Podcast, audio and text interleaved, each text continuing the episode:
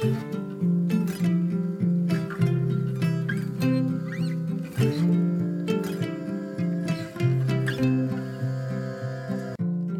och välkommen till For Health med Anna Sparre! Idag pratar vi styrketräning och gymträning med populäre experten Marcus Greus. Vilka övningar bör man ha med i sin styrketräning och hur utför man dem korrekt? Vilka vanliga fel ska man vara uppmärksam på? Om du gillar den här intervjun så blir jag så glad om du vill dela med dig av den på Facebook, Instagram eller till en vän. Och gå in i iTunes och lämna en recension av podcasten. Det gör det lättare för mig att få hit intressanta intervjupersoner. Stort tack på förhand! Glöm inte heller att boka mig som föreläsare till ditt event. Jag föreläser både för företag, föreningar och privata grupper. Och om du är nyfiken efter det här avsnittet så hittar du mer information på forhealth.se. Marcus Greus är experten på postural träning som vi pratade med i avsnitt 176. Så vill du lära dig mer eller veta mer om honom, så lyssna på det avsnittet.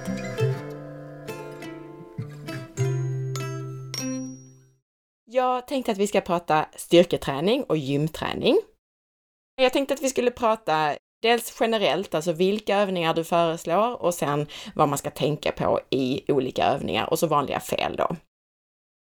Så först och främst, om vi bara tar det från grunden, vilka övningar kan utgöra ett bra grundträningsprogram för gemene man? Eh, där har vi ju dels, om vi tänker oss eh, från överkropp då, eller börja med överkropp, så har vi dels pressövningar där man på något sätt pressar framför sig. Vi pratar alltså armhävningar eller man står i en kabeldrag och, och trycker alltså kabel, inte kabeldraget framåt så att man får någon slags belastning på framsida axlar och eh, triceps bröstmuskler. Då. Och sen så vill vi komplettera det här med någon slags dragövningar och vi, vi brukar också köra mycket kabeldrag generellt, så vi har ju inga maskiner överhuvudtaget faktiskt som vi kör annars, utan det är fria vikter, kabeldrag eh, och en egen kroppsvikt då, även i styrketräningssammanhang då. Men pressövningar, pressa någonting framåt, sen dragövningar och sen så också ha övningar där man kör någon slags biceps curls och då har vi oftast att man håller ett par hantlar och sen kör man curl och sen till press då så att man man tänker sig en vanlig biceps curl man lyfter med hantlar och sen så vrider man bara runt händerna och pressar rakt upp då så man får en hantelpress och blir en kombinerad rörelse. Eh, den, den brukar fungera väldigt fint och, och sen följer man upp den då med någon slags eh, pull, pull-up eller pull-down då, det beroende på hur man gör den. Alltså chins, man kan dra sig upp eh, vid en stång om man orkar det eller så har man, sitter man ju eh, vid en, en dragapparat och, och sen så drar man eh, då en stång neråt eh, mot sig mot bröstet. Då. Så att där har vi basövningar, så alltså press framåt, drag bakåt, press uppåt, drag neråt så att man får med de alla, alla de fyra riktningarna där.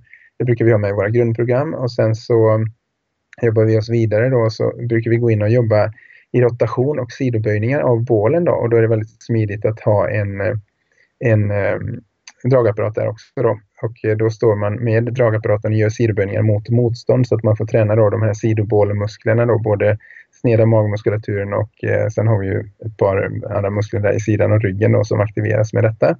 Och sen att man kör rotationer där man står också med dragapparaten då, att man har armarna rakt framför eh, sig i ungefär midjehöjd och sen så roterar man då bålen åt sidan så att man tar i eh, med eh, ja, sidobollmusklerna även där då, fast i rotation.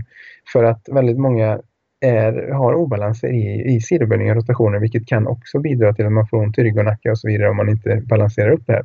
Speciellt personer då som är lite mer tränade behöver ofta göra det här då för att de ska uppnå balans där. Det tänkte jag också säga bara att det är ju många som, som är gymtränare som glömmer just den här vridrörelsen, att man tränar väldigt mycket rakt framåt så att säga. Ja, precis. Och sitter fast i en maskin istället för att få in den här, som också är en grundrörelse. Vi har gjort ett avsnitt faktiskt om, om de sju grundrörelserna. Det är ju det, den här vridningen eller, eller kaströrelsen, men att man sitter ofta, de här maskinerna är väldigt statiska ofta, att man sitter väldigt fast. Ja, vi, och vi försöker och, och vi förordar inte dem alls just för att i verkligheten när du ska använda din kropp så har du ingenting att luta dig mot egentligen utan ska du ska du göra någonting och ta i med kroppen så brukar det ofta vara ett, eh, ett sidoböjnings och rotationsmoment i det.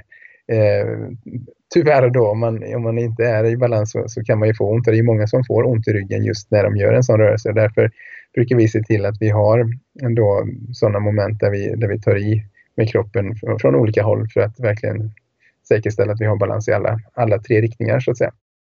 Och, och sen när vi har jobbat med de bitarna så brukar vi också naturligtvis gå vidare med att titta på att det funkar med benen och då har vi antingen vanliga knäböj och det har vi pratat om innan ju att man tänker på att hålla fötterna rakt och knäna raka i förhållande till fötterna och sen så går man ner och gör djup knäböj och även framåtfällningar kallas för raka marklyft.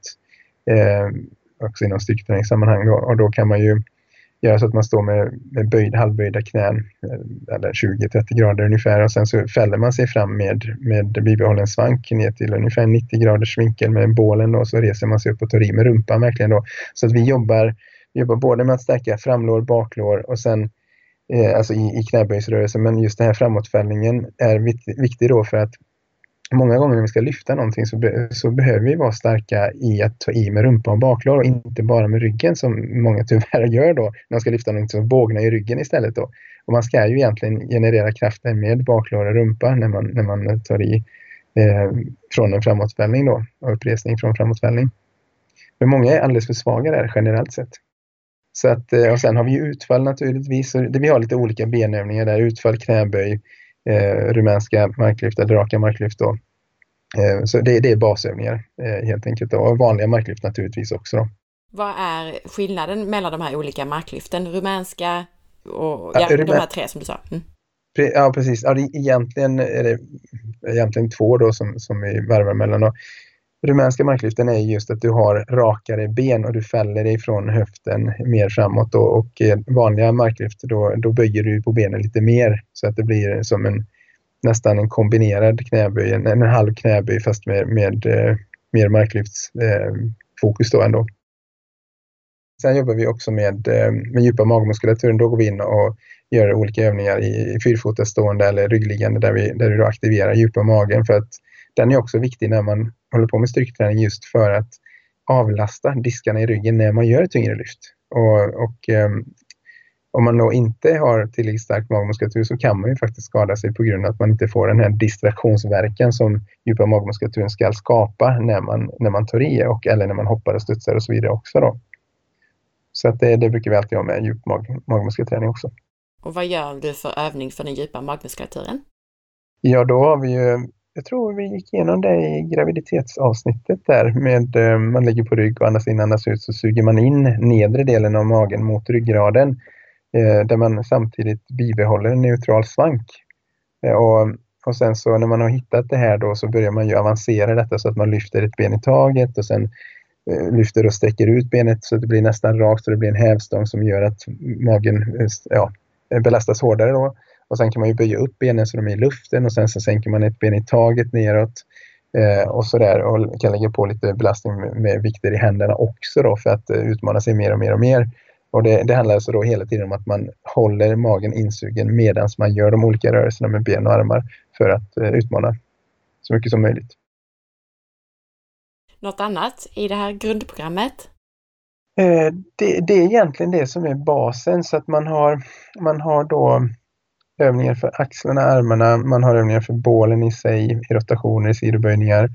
Vi kan lägga in även, även då eh, situps eh, och ryggresningar och sådär eh, i vissa fall, men oftast räcker det med just det man får via marklyften och, och, och de andra rörelserna som, som vi då gör för att vi, vi behöver inte träna överflödigt med eh, ryggresningar som, som många tänker. Och, som när jag jobbade som sjukgymnast och man hade ont i ryggen exempelvis så var det så ah, du måste stärka ryggen mer, du ska göra ryggresningar och så vidare.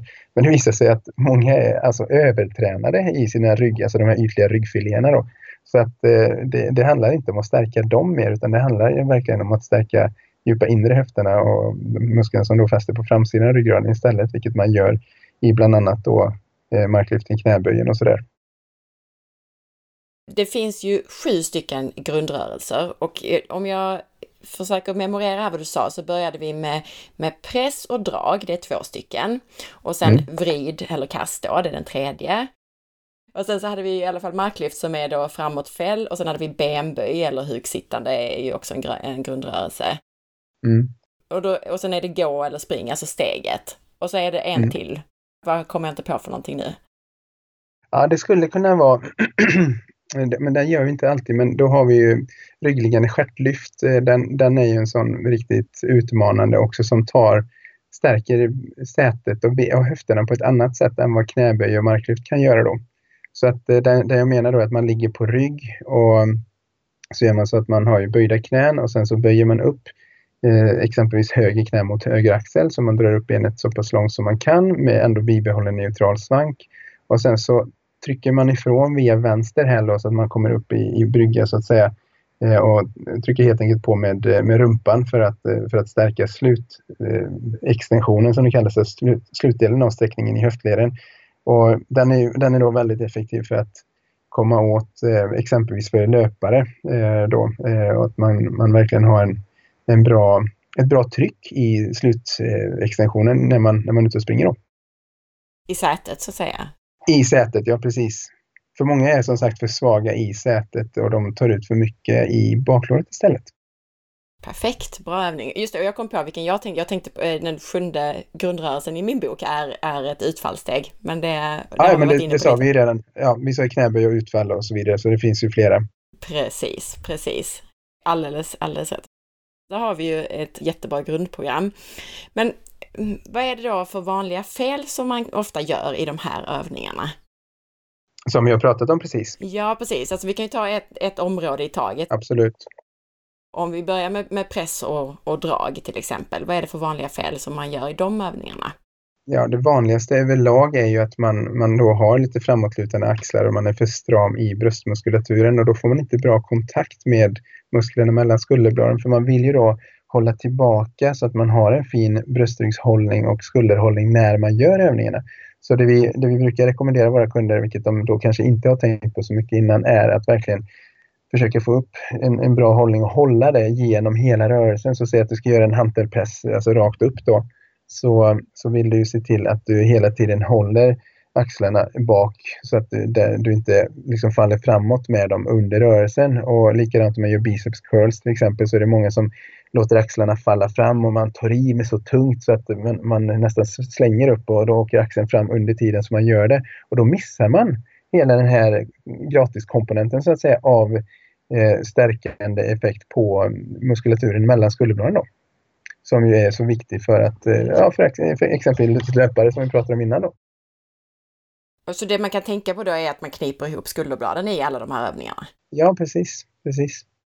Och klarar man inte det så behöver man först komma till dig och få grunda, grundläggande övningar för sin hållning. Ja, det kan man göra. Man kan ju försöka själv också och stretcha ut bröstmuskulaturen som oftast då är stram. Och mm, sen på något sätt, eh, det finns ju massa olika övningar för att grunda, aktivera mellan skulderbladen då. Eh, så det är någonting som man kan börja med.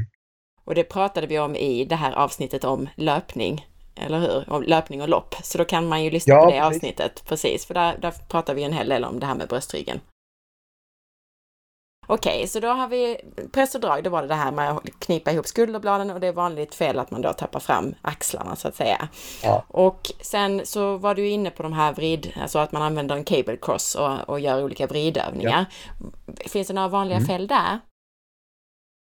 Absolut. Om, man, eh, om vi tar exempelvis sidoböjningen först då, då, då ska man ju stå på ett sätt som att eh, man har lite lätt böjda knän och så att man låser höfterna så att man inte skiftar med höfterna i sidled utan att man låser höfterna och håller dem helt stilla och lite lätt böjda knän när man gör sidoböjningen så att man inte skiftar höfterna åt motsatt håll för då missar man halva effekten i övningen faktiskt. Då, då tar det inte på rätt sätt i sidan som, som eh, man ju vill komma åt. Då. Så att hålla höfterna helt stilla och så göra en ren sidoböjning så att man inte böjer sig framåt heller eller roterar samtidigt utan man vill verkligen få det att ske i rätt plan när man gör detta. Då. Vad ska och, det kännas då? Då ska det kännas mellan revben och höftkam eh, egentligen i, sidan av magen och sidan av ryggen. Då. Så man ska tänka på att det ska ske liksom rakt så att man inte tippar fram eller bak och också att man inte skjuter ut höften eller rumpan åt sidan. Precis.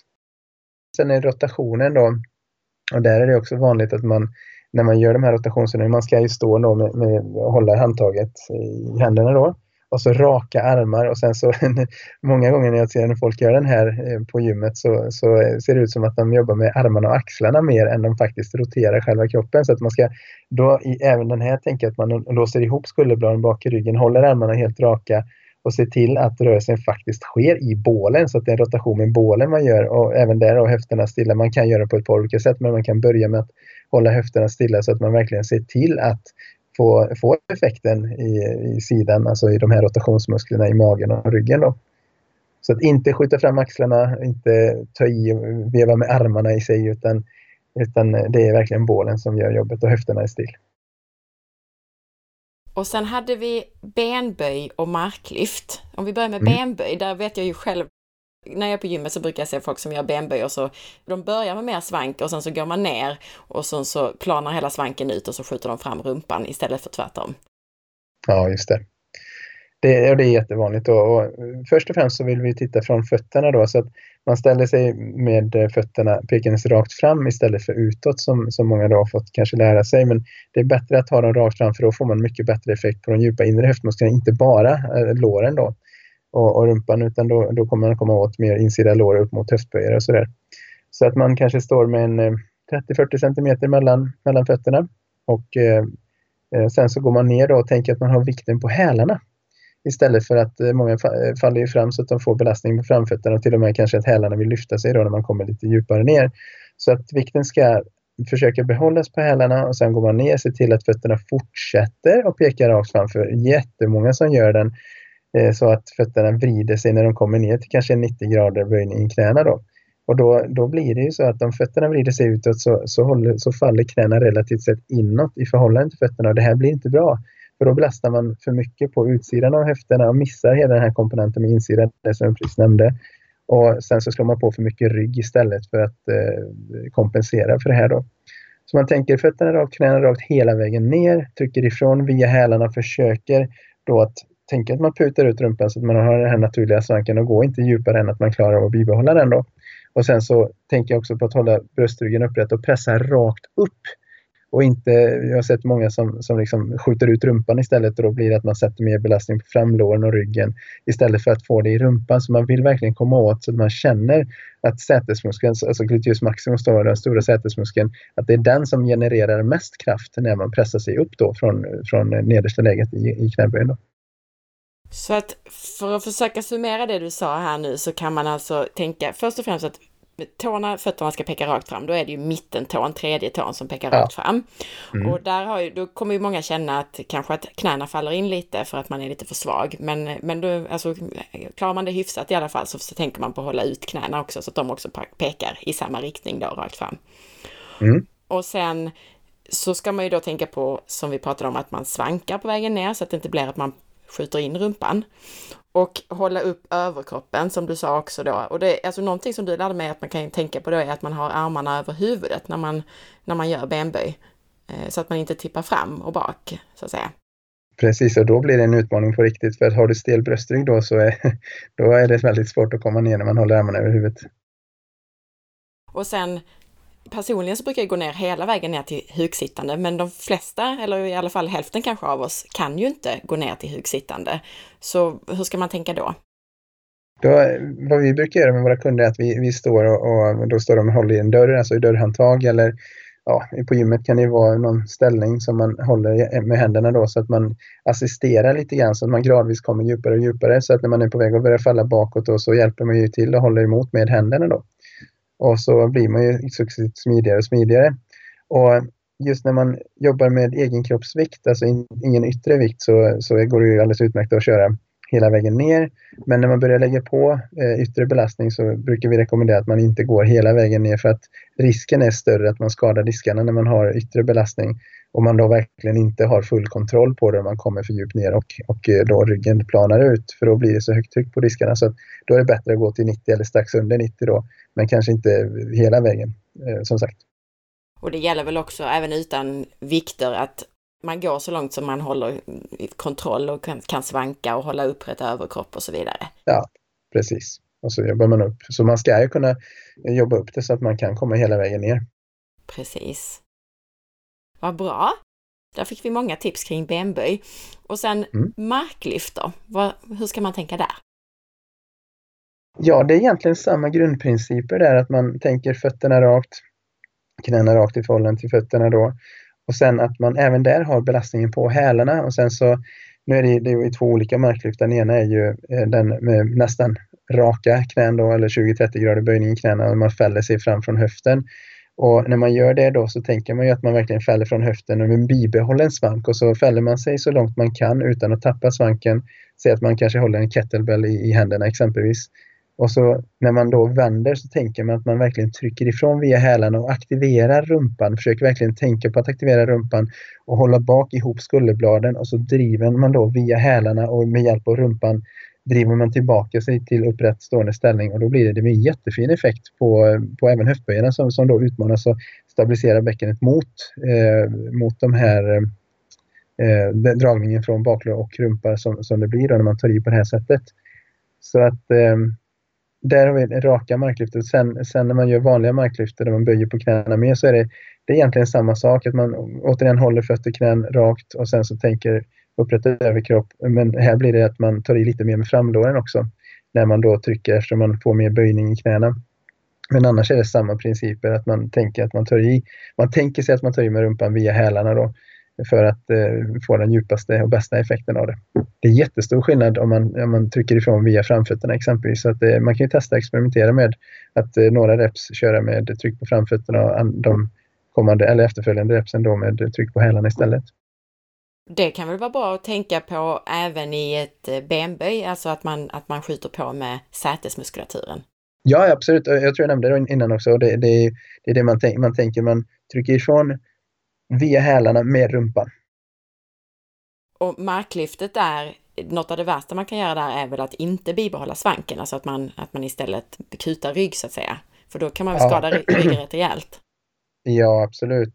Det sker ju ofta då när man ser eh, då personer som lyfter lite för tungt mot vad de egentligen orkar så, så orkar de inte hålla kvar svanken och det är då det går illa på riktigt. Då. Sen pratade du om det här bålstärkande och eh, lite grann kring rygg och så. Är det någonting där särskilt som man ska tänka på som man kan göra fel? Ja, alltså speciellt när man kör övningar för, för djupa magmuskulaturen så är det många som har lärt sig då att man ska plana ut svanken mot golvet. Och eh, tyvärr så blir det ju tokigt för att om man tänker sig när man ska ta i med magen, vilka situationer är det? Jo, det är ju situationer oftast när man ska kanske lyfta någonting tungt från golvet och, och sådär. Och om man då har tränat på att varje gång man tar i med magen plana ut svanken så, så är det lätt hänt att kroppen gör det även i den här situationen man ska lyfta någonting från golvet. Och alla vet ju att man ska behålla svanken när man ska lyfta någonting från golvet. Eller hur? Mm. Och om, om det då är så att man kopplar på, magen aktiveras för att avlasta ryggen men samtidigt så planas svanken ut så, så, så blir det, det, det slår ut vartannat så att säga. För att även om magen då ska avlastas så just positionen, alltså utplaningen av svanken gör att det ändå blir eh, felaktig belastning på ländryggen i alla fall då. Så att eh, se till att behålla en neutral svank när man gör övningar för djupa magmuskulaturen är det viktigaste. Och de övningar som du har pratat är ungefär de som jag brukar göra när jag eh, är på gymmet. Mm. När det gäller drag och press så brukar jag använda mig framförallt av chins, sådana här att man drar sig upp som du nämnde. Mm. Och dips då, att man ska säga, håller i stänger och sänker sig ner istället. Ja, precis. Och då gissar jag att det är samma sak där, att man ska försöka hålla ihop skulderbladen i båda de övningarna. Ja, absolut. Som chins exempelvis då så, så börjar man ju, man hänger ut axlarna alltså ordentligt så att man verkligen får axlarna upp mot öronen. Men sen börjar man då, alltså chinsrörelsen med att sänka bak och ner skulderna så man verkligen drar dem bak och ner så, så långt som möjligt. Och sen då håller man dem bak och ner när man då drar sig upp hela vägen upp. Um, och, och uh, dips är ju också väldigt bra att man inte sjunker fram med axlarna för att där stärker man också in sig för mycket annars i den här framåtskjutna axelpositionen. Vilket de flesta tyvärr har för mycket av redan sedan innan så att man vill ju försöka motverka det. Så att man försöker hålla sig mer upprätt och ihop med precis. skulderbladen snarare än att tippa Exakt. fram. Man kan ju göra den lite framåttippad, men då, precis som du säger, de flesta behöver inte riktigt träna där bröstmuskulatur och där som, som man hamnar i då kanske. Ja, inte på det sättet i alla fall. Nej. Utan man, man kan ju träna bröstmusklerna med skulderbladen ihop. Och, och jag ska nämna det då när, när vi ändå pratar om press på det sättet. Om man gör armhävningar Så många är ju duktiga på det och kanske håller ihop skulderbladen på vägen ner och när de är nere, men sen när de kommer upp så, så åker ju skulderbladen isär då. Och en, en väldigt bra, ett väldigt bra tips där för att eh, stärka bröstryggens hållning och bli alltså starkare mellan skulderbladen är att verkligen försöka hålla ihop skulderbladen hela vägen upp, även om man kommer upp hela vägen. Sen kan man trycka ifrån om man tycker att man vill träna serratus anterior som många då eh, ja, hävdar att det är viktigt att göra och det kan det vara också. Men, men att då kan man göra det efter, precis i slutet av rörelsen, men man ändå håller ihop det hela vägen upp. För där har många jättesvårt eh, att verkligen hålla, hålla ihop hela vägen upp i, när man kommer upp i press, slutet av pressfasen så att säga. Så det du säger här är att i en armhävning så ska man också hålla ihop skulderbladen genom hela rörelsen. Möjligen då att precis. man inte gör det precis i slutet för att få till en ytterligare en extra effekt av den. Mm. Exakt. Och det vi lovade också när vi, i ett annat avsnitt var ju att när vi pratar gymövningar så skulle vi prata om hur man gör plankan korrekt. Just det. och i vanliga fall när man gör plankan så ja, man ställer sig, om man tänker sig framåtplankan då, man står ju på armbågarna och så med fötterna och sen är kroppen eh, rak där då. Och då, då blir det ofta så att, att man tar i med magen så pass att bäckenet faktiskt tippar bakåt så man planar ut svanken. Och det är ju återigen det här att det ska vi inte göra utan vi ska försöka hålla en neutral svank även där. Det är det ena. Och sen det andra är då att försöka hålla ihop skulderbladen i den här positionen och det är duktigt jobbigt. Och när man gör det så aktiverar man mycket, mycket djupare och det känner man efteråt också så att man, man kan börja så att man lägger sig på mage, armbågarna under, så som man har när man ska göra plankan då och sen så släpper man ihop skulderbladen redan från början och sen då lyfter man upp knäna så att man kommer upp så man blir rak i plankan då. Men att man behåller skulderbladen ihop och en neutral svank. Och den, då, då blir det betydligt mycket jobbigare och sen känner man då när man kommer upp och ställer sig efteråt att man, om man har gjort den rätt då, att man faktiskt är lättare i, i kroppen när man går omkring efteråt. Då, så känner man att man är lättare och mer upprätt i kroppen efteråt och då är det på grund av att man då har samtidigt som man har tränat djupa magmuskulaturen så har man också tränat eh, posturalmuskulaturen då som gör att man får den här lätta känslan. Vi kommer inte vinna några uthållighetstävlingar då, sådana här plankan, stå så länge du kan om jag ska göra den så. Nej, det, det, blir betydligt mycket svårare. Men det är klart att man kan bygga upp det också. Mm. Så att eh, man blir eh, mer och mer uthållig ju mer man gör den på det sättet då. Men rekommenderar du att man gör plankan på armbågarna eller uppe på händerna? Det är vilket som egentligen. Men gör du det på armbågarna så är det tuffare att hålla ihop skuldbladen, vilket gör att du får mer effekt. Precis, det var det jag tänkte säga, att det kan vara bra, det kanske är enklare att börja uppe på händer. Ja, ja precis som i en armhävningsposition och bara släppa ihop skulderbladen där och så hålla det en bra stund. Eller så gör man båda. Jag brukar själv lägga in det som en dynamisk sak, att man växlar mellan armbågar och upp på, på händer, så man, så man inte är helt statisk i övningen. Precis. Jag tänkte på det förresten, tillbaka till det här med, med chins och, och dips och sådana här saker. Om man nu är för stel i bröstryggen, du sa ju det, att det är inte, då, då blir den inte rätt. Alltså hur ska man tänka då? Ska man ändå göra de här övningarna eller är det mycket bättre då att backa och, och gå tillbaka och mjuka upp bröstryggen och göra de här grundläggande övningarna först? Ja, det är det. För att eh, många som som är stela i bröstryggen och gör chins, de får ju mest effekt på övre trapezius. Så att man, man ser ju riktigt hur när de försöker göra chinsen så när de kommer upp där så skjuter de ju fram och upp axlarna mot öronen. Och då får du ju det ändå inte att ta på rätt ställe och sen så får du den här hållningen med framskjutna axlar och inåtroterade armar så att hand, handryggarna pekar framåt när man står och det, det, det blir varken snyggt eller funktionellt. Så att då är det bättre att backa bandet och se till att man får upp rörligheten i bröstrygg och armar och axlar naturligtvis så att man kan utföra rörelsen och sen går man på och börjar lättare så att man inte går på chins direkt för att chins i sig är en tung övning alltså om man inte har eh, bra grundfunktion. Så det är väldigt många som gör den helt fel. Och jag kan förtydliga då, du sa där att eh, händerna, att man kan kolla på händerna och då ska ju ska säga, tummarna peka framåt, inte handryggen. Ja, precis. Vi kan ju tillägga också att mycket av det här kan man ju göra hemma och istället för att ha en cable cross kan man ju ha ett gummiband till exempel. Absolut. Toppen Marcus! Nu vet ju alla vad de ska göra på gymmet eller, eller i vardagsrummet nästa gång. Ja, precis. Jättefint! Tusen tack! Tack själv!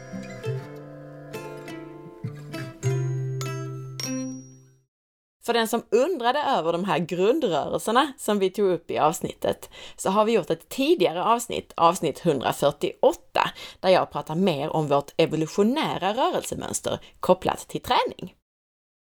Tack för att du lyssnade! Jag hoppas att du gillade intervjun.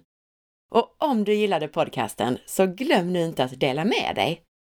Missa inte heller att följa med på facebook.com forhealth.se och på Instagram via signaturen asparre. Veckans recension i iTunes är från Björnski33 som skriver Så bra! Jag lyssnar på din podcast i bilen och jag har säkert lyssnat på 25 avsnitt och jag fortsätter att ladda ner. Jag kan tyvärr inte betygsätta varje podcast, men jag vill ändå ge dig en eloge för att du får in så många intressanta talare. Intresset för det du talar om växer för varje avsnitt. Tack för att du håller detta igång! Du är så trevlig och lugn att lyssna på och jag gillar hur du förenklar och ställer frågor och sammanfattar experternas kunskaper. Bravo Anna! Du är till stor hjälp och inspiration. Tusen tack för de här värmande fina orden. Ha nu en riktigt fin dag så hörs vi snart igen. Hej då!